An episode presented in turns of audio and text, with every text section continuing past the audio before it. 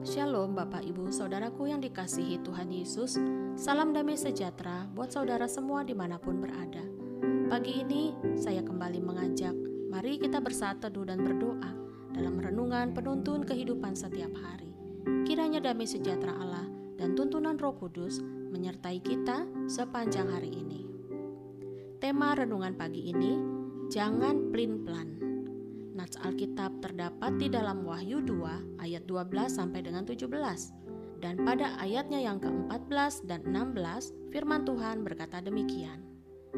Tetapi aku mempunyai beberapa keberatan terhadap engkau. Di antaramu ada beberapa orang yang menganut ajaran Bileam, yang memberi nasihat kepada Balak untuk menyesatkan orang Israel, supaya mereka makan persembahan berhala dan berbuat Cina.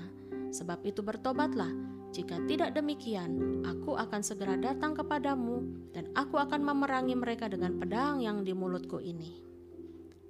Bapak, ibu, saudara yang dikasihi Tuhan Yesus, pernahkah saudara melihat seekor bunglon, binatang pemakan tumbuhan yang dapat berganti-ganti warna kulit? Biasanya binatang bunglon ini digambarkan untuk seseorang yang memiliki sifat yang tidak tetap pendiriannya atau mudah berubah-ubah. Jika seseorang dikatakan bunglon, maka artinya orang itu plin-plan. Saudara, tentunya kita pun tidak suka dengan orang yang memiliki sifat seperti bunglon, apalagi Tuhan. Karena biasanya orang seperti itu tidak bisa dipercaya.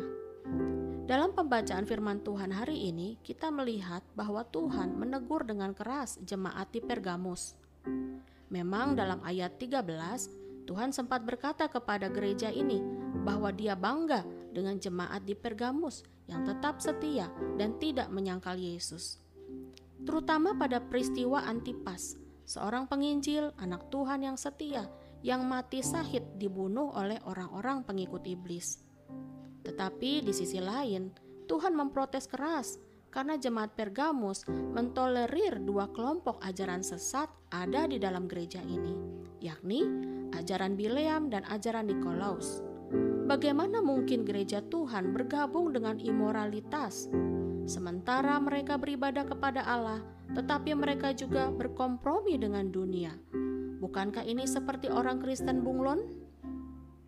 Saudaraku yang dikasihi Tuhan, kita pernah diingatkan oleh firman Tuhan di dalam kitab Wahyu bahwa Tuhan tidak suka kalau kita tidak dingin dan juga tidak panas. Artinya, Tuhan memiliki keberatan yang amat sangat jika hidup kita yang sudah kita berikan untuk mempermuliakan namanya, tetapi di sisi lain, kita masih saja berkompromi dengan dunia. Nats Alkitab menulis, jemaat Pergamus berkompromi dengan makan persembahan berhala, berbuat jinah, bahkan dalam sebuah literatur dikatakan ada kemungkinan besar mereka lebih hormat dan lebih takut kepada tahta kaisar Romawi daripada kepada Allah yang hidup. Inilah yang membuat Tuhan protes keras terhadap jemaatnya yang tertulis di ayat 16 yang dikatakan oleh Tuhan akan memerangi mereka dengan pedang di mulutku ini. Hal ini mengingatkan kita saudara bahwa Allah kita adalah Allah yang cemburu. Allah tidak ingin kita menjadi orang Kristen yang mendua hati memang tidak mudah dengan apa yang dihadapi oleh jemaat Pergamus pada zaman itu. Mereka tinggal di tengah-tengah orang yang menyembah kaisar dan dewa-dewa orang Romawi. Sungguh pekerjaan setan begitu nyata karena dia memakai kaisar dan orang-orang Roma untuk menyerang orang-orang percaya. Sekilas saya teringat dengan goncangan besar yang melanda negara Ukraina karena perang, dan survei mengatakan bahwa mayoritas penduduk di Ukraina beragama Kristen. Bayangkan saja saudara, kalau di sana ada banyak anak-anak Tuhan yang sungguh-sungguh, bukankah keadaan ini merupakan tekanan yang sangat berat buat mereka? Iman mereka akan dipertaruhkan. Apakah mereka akan tetap mencari Tuhan atau malah berubah setia? Saudara, perintah untuk tidak menduakan Tuhan, perintah untuk tidak kompromi dengan dunia, perintah untuk lebih taat kepada firman daripada coba-coba melanggarnya dengan alasan apa pun, itu sama tujuannya agar kita tidak menjadi orang Kristen yang plin-plan, yang tidak punya pendirian atau tidak punya prinsip, yang cenderung berubah-ubah dan tidak konsisten. Jadi di akhir renungan ini, saya mengajak saudara, siapa pun kita, Entah kita adalah seorang pemimpin, seorang pekerja, seorang kepala keluarga, seorang ibu, seorang guru, seorang pelajar, seorang hamba Tuhan, bahkan semua orang yang beriman kepada Kristus.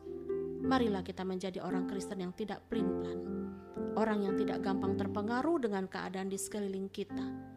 Lihatlah keadaanmu, saudaraku. Apakah engkau sedang panas atau mungkin sedang dingin dengan Tuhan? Apakah perkara-perkara rohani tidak lagi relevan bagimu?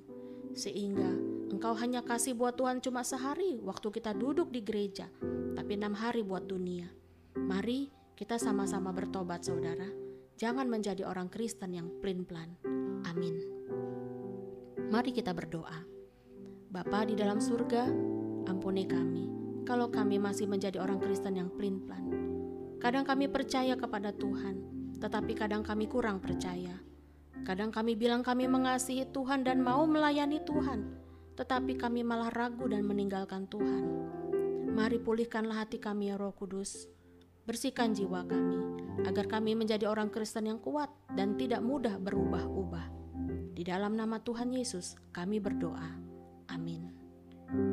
Kiranya berkat yang sempurna dari Allah Bapa, kasih karunia dari Tuhan Yesus Kristus, dan persekutuan yang indah dengan Roh Kudus menyertai kita dari sekarang ini dan sampai selama-lamanya.